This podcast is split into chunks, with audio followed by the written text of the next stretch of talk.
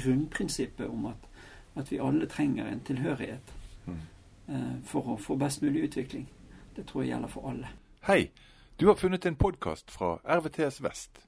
Denne gangen vil vi snakke om skolen og hjelpetjenestene for barn, unge og familier.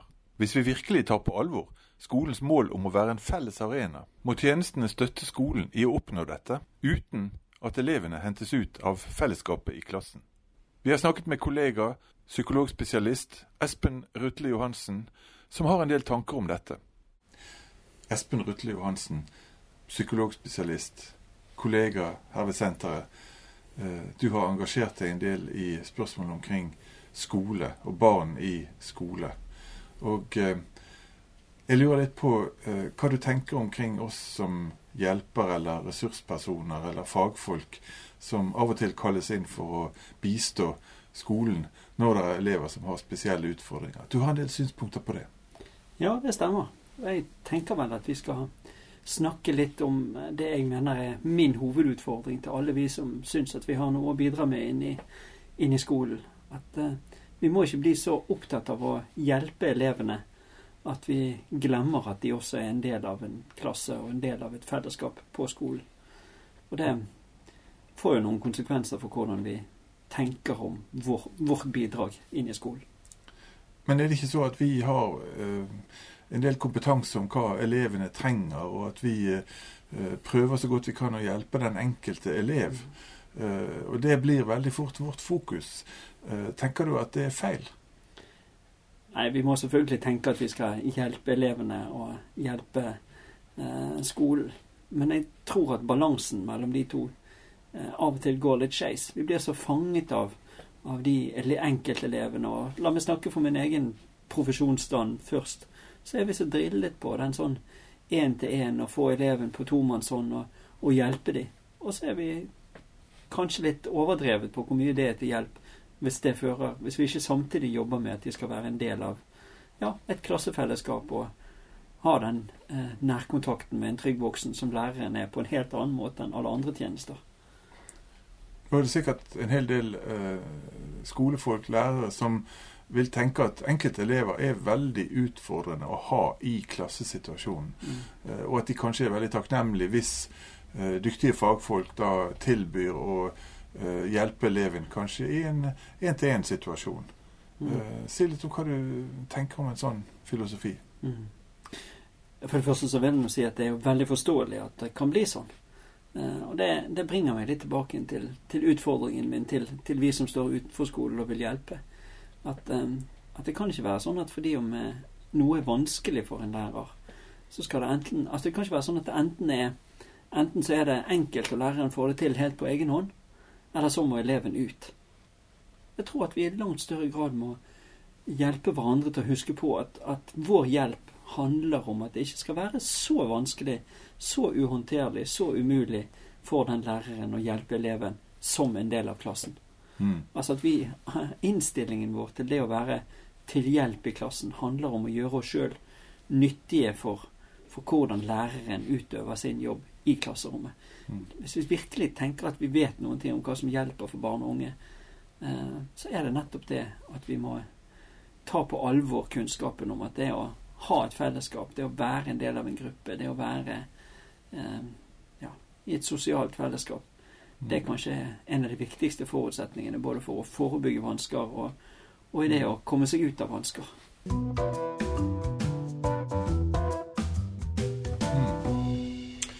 Så um, si litt om hvorfor det er viktig for eleven å være i klassen. Altså Hva er det med nå tenker vi på de elevene da som kanskje har spesielle utfordringer. Det er de vi tenker på mest i mm. denne sammenhengen. Men gjelder kanskje andre også. Men hva er det som er, er så viktig for eleven som sliter, å få være i klassen sin?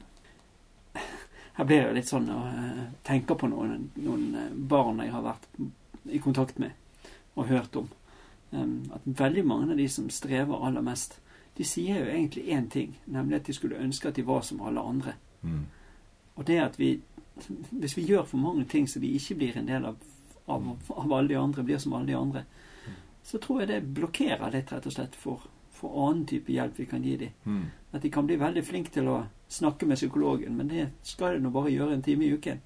Det er ikke sikkert de blir så flinke til å være med klassen sin eller familien sin eller med seg sjøl, for den saks skyld, av at de ble flinke til å snakke med psykologen. Mm. Ja. Så, så eh, forstår jeg det rett hvis du tenker at eh, la oss nå ta alle disse fagfolkene få de inn i klasserommet. Eh, skal de være der? Skal de sitte der? Skal de sitte ved siden av læreren? Skal de sitte bak og kikke på? Eh, jeg mener å huske fra min egen barndom at vi hadde noen sånne eh, superspesialister som satt bak i klasserommet og noterte på blokkene sine. um, det, tenker du at dette er en farbar vei, eller hvordan ser du for deg at det skal gjøres? Ja, eh, altså jeg har mye godt å si om at, eh, at vi alle burde ha opplevd å være i et klasserom. Men kanskje vi alle burde ha opplevd, opplevd å ha ansvaret for et klasserom. Det er noe annet enn å sitte på bakerste rad og notere og være ekspert. Eh, jeg tror at eh, hvis dette skulle virkelig blitt nyttig, så må vi klare å sette oss i lærerens sted. Vi må forstå hvilken jobb læreren prøver å gjøre, hvilke utfordringer det har med seg. Da kan kanskje rådene våre begynne å være mer nyttige for, for læreren. At ikke vi også blir helt sånn løsrevet fra den sammenhengen som, som læreren og klassen opererer i. Så gjerne gå inn i klasserommet, men ikke for å være noe helt annet og ha en helt annen rolle. Og da, ja, da skjønner vi kanskje ikke helt hva det er læreren strever med likevel.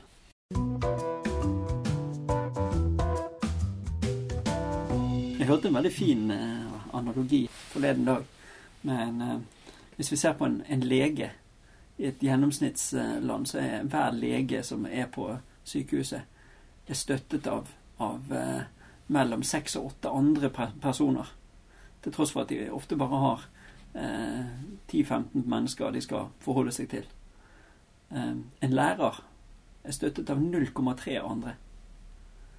Det sier kanskje noe om hvor aleine læreren er med å håndtere Mm. det vi holder på med. Mm. Eh, og det store, store, store ironien i dette er jo at dette er jo mennesker som fins. Det er jo masse mennesker som kan være et støtteapparat rundt den læreren. Mm. Det er jo ikke sånn at vi skal finne opp en helt lang rekke av nye tjenester og profesjoner og pøse inn Mm. nødvendigvis uendelige mengder med ressurser. Mm. Men vi må ta på alvor at jobben vår er å få læreren til å kunne gjøre jobben sin, sånn at de kan holde elevene inkludert i klasserommet. Eh, Det må være målsettingen.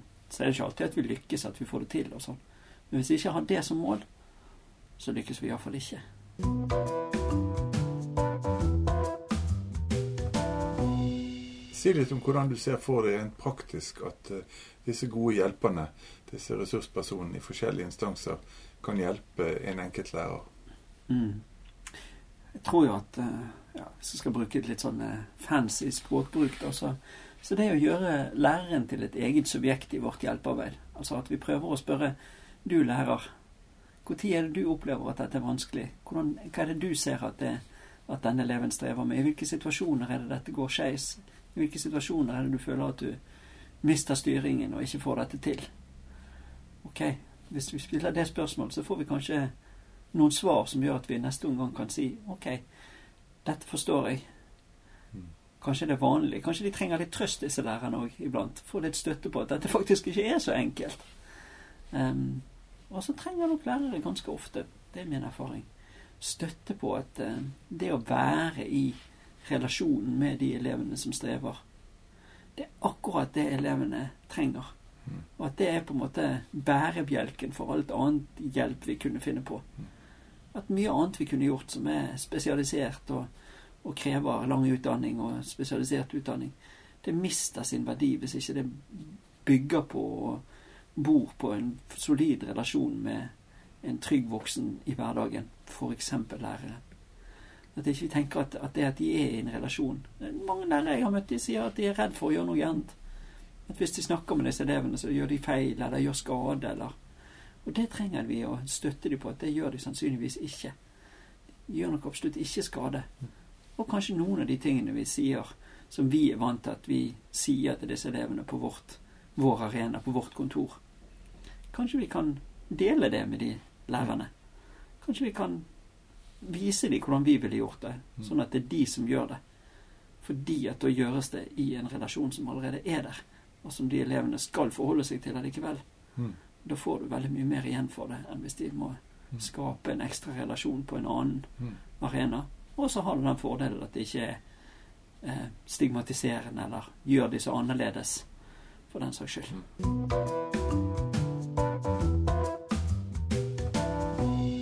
Ser du for deg at, at det må gjøres noen endringer i måten de gode hjelperne hentes inn på skolen på? Mm.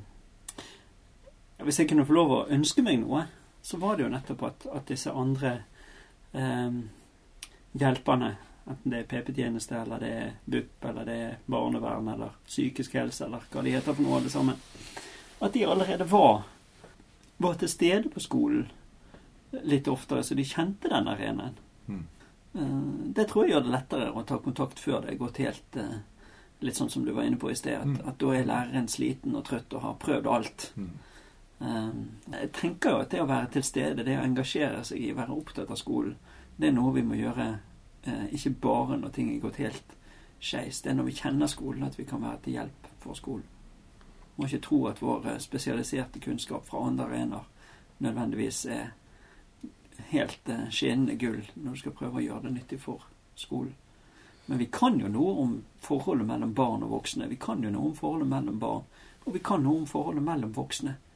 Og vi må bare øve oss på å um, at det skal gjøres til nytte for skolen som system, for den enkelte læreren.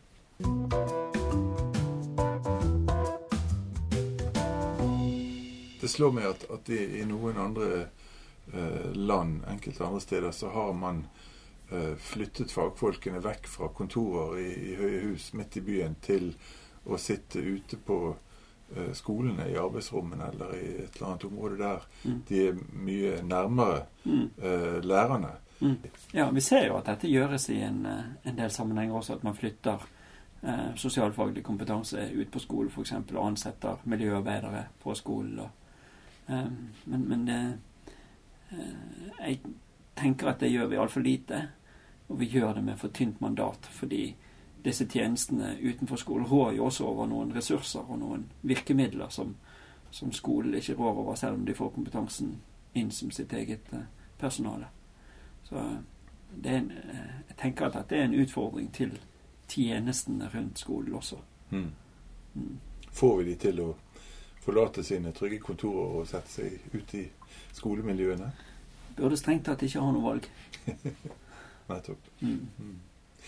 Um, jeg lurer på uh, det, Gjelder dette bare de svakeste elevene, eller vil du si at dette kanskje også har uh, en relevans for alminnelig robuste elever, eller kanskje de spesielt sterke elevene?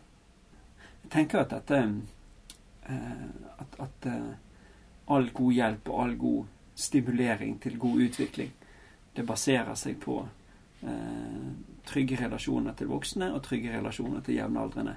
Mm. Og at fellesskapet er noe vi søker mot og trenger Mm. for god utvikling, enten vi er i, Mm. i den ene eller andre enden av skalaen. Mm. Så er det kanskje lett å få øye på, på for de aller svakeste at, at de trenger så mye. Um, og mindre lett å få øye på for de som fungerer noenlunde greit. Mm. Men, men grunnprinsippet om at, at vi alle trenger en tilhørighet Mm. eh, for å få best mulig utvikling, det tror jeg gjelder for alle. Mange av oss, og mange vi har snakket med, forteller om enkeltlærere som har betydd mye for dem. Mm. Eh, Ja, det er jo denne lærer Bjørndals metode som vi har, har gått i på Facebook og i avisen. Sant? Der, der det er et uh, uheldig klassemiljø, og der er mobbing av de svakeste elevene og de blir uthengt i klasserommet og i friminuttene. Og det denne superlæreren gjør, det er jo ikke å gå så veldig og støtte på og ta ut disse svakeste elevene og sånn, men han tar til side de sterkeste elevene og sørger for at de tar et større ansvar for sine medelever. Det er det som hjelper. Så da ser vi igjen hvordan kunne han gjort det hvis alt vi voksne hadde gjort, var å isolere de svakeste elevene. mm. Da hadde ikke vi kunnet bruke den jevnaldrende relasjonen. Nei, nettopp. Den betyr noe.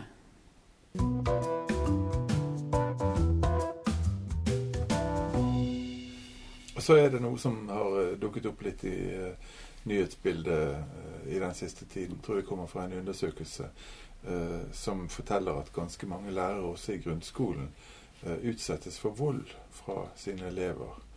Um, er det noe i utviklingen innenfor norsk skole i dag som skulle bygge opp under dette? Jeg tror jo at det til dels er uttrykk for noe av det samme som vi, som vi uh, har snakket om fram til nå. At, at, vi i for liten grad eh, støtter opp under læreren og hans eh, jobb med elevene. Sånn at når ting blir vanskelig, så blir de veldig aleine. Og mange av de lærerne jeg har snakket om, som har vært utsatt for vold. For det er ja, Jeg vet faktisk ikke om det er flere nå enn det var før, men det er iallfall blitt mer synlig og mer på dagsordenen akkurat nå. Um, men en del av de sier at det som virkelig var vanskelig for dem når denne eleven tok dem, det var dels selvfølgelig egen sikkerhet, men det som gjorde det ordentlig, ordentlig vanskelig, det var sikkerheten til de andre 30 barna i rommet, som de også hadde ansvaret for. Og så blir de nesten litt sånn handlingslammet. Skal jeg ta vare på meg sjøl? Skal jeg ta vare på de andre? Hvordan kan jeg mm. løse dette? Det blir for mye for en person.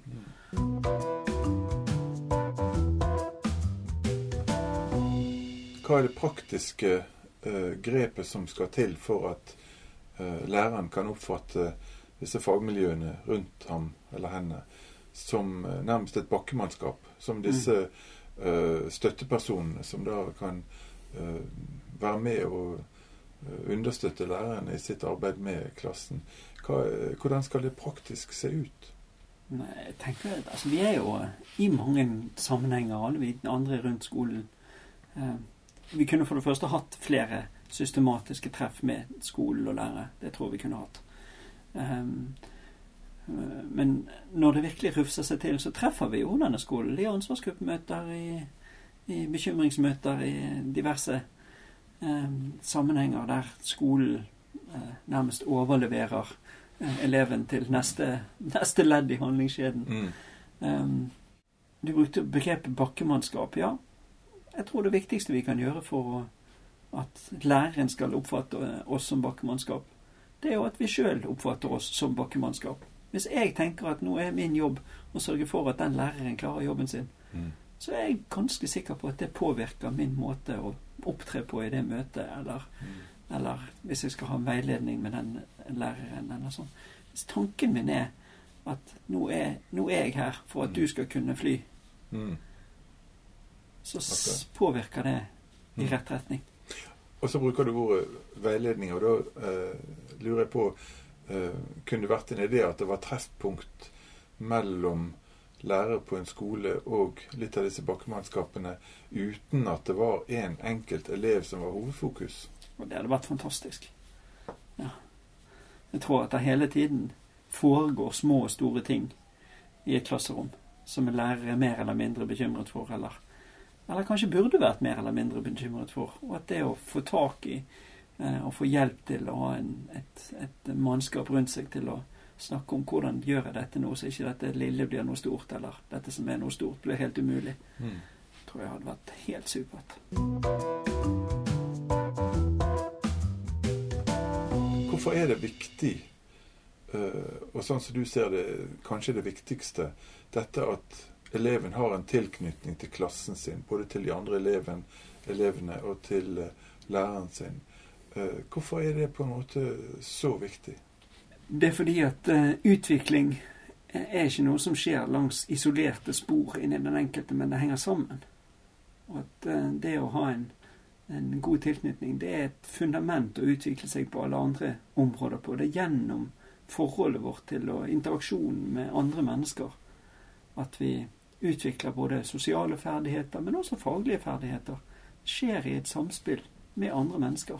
Mm -hmm. um, og det skjer i et samspill med med den voksne, selvfølgelig. Og det tenker jeg at vi ivaretar uansett. Mm. At vi setter ikke de svakeste elevene inn på et rom for seg sjøl.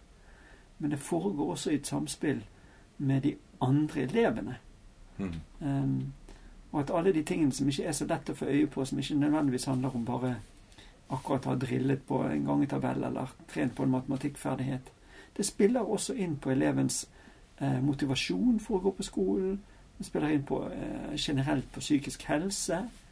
Eh, og det spiller igjen tilbake inn til hvordan det går med dem. Sånn, så det er jo noe med å Først og sist, og det står vel fortsatt i, eh, læreplanen for, for uh, norsk skole at vi skal utvikle og utdanne og uh, støtte utvikling mot gangsmennesker. Det handler om så mangt. Det Mm. handler om mange sider av utvikling. Uh, og da, ja, da må skolen ta det på alvor, og så må vi andre tenke at, at skolen er den arenaen der alle barn skal ha en tilhørighet. Ja, hva kan jeg på min arbeidsplass gjøre for å støtte den utviklingen? Det er mitt oppdrag til meg sjøl. Og min utfordring til alle dere andre.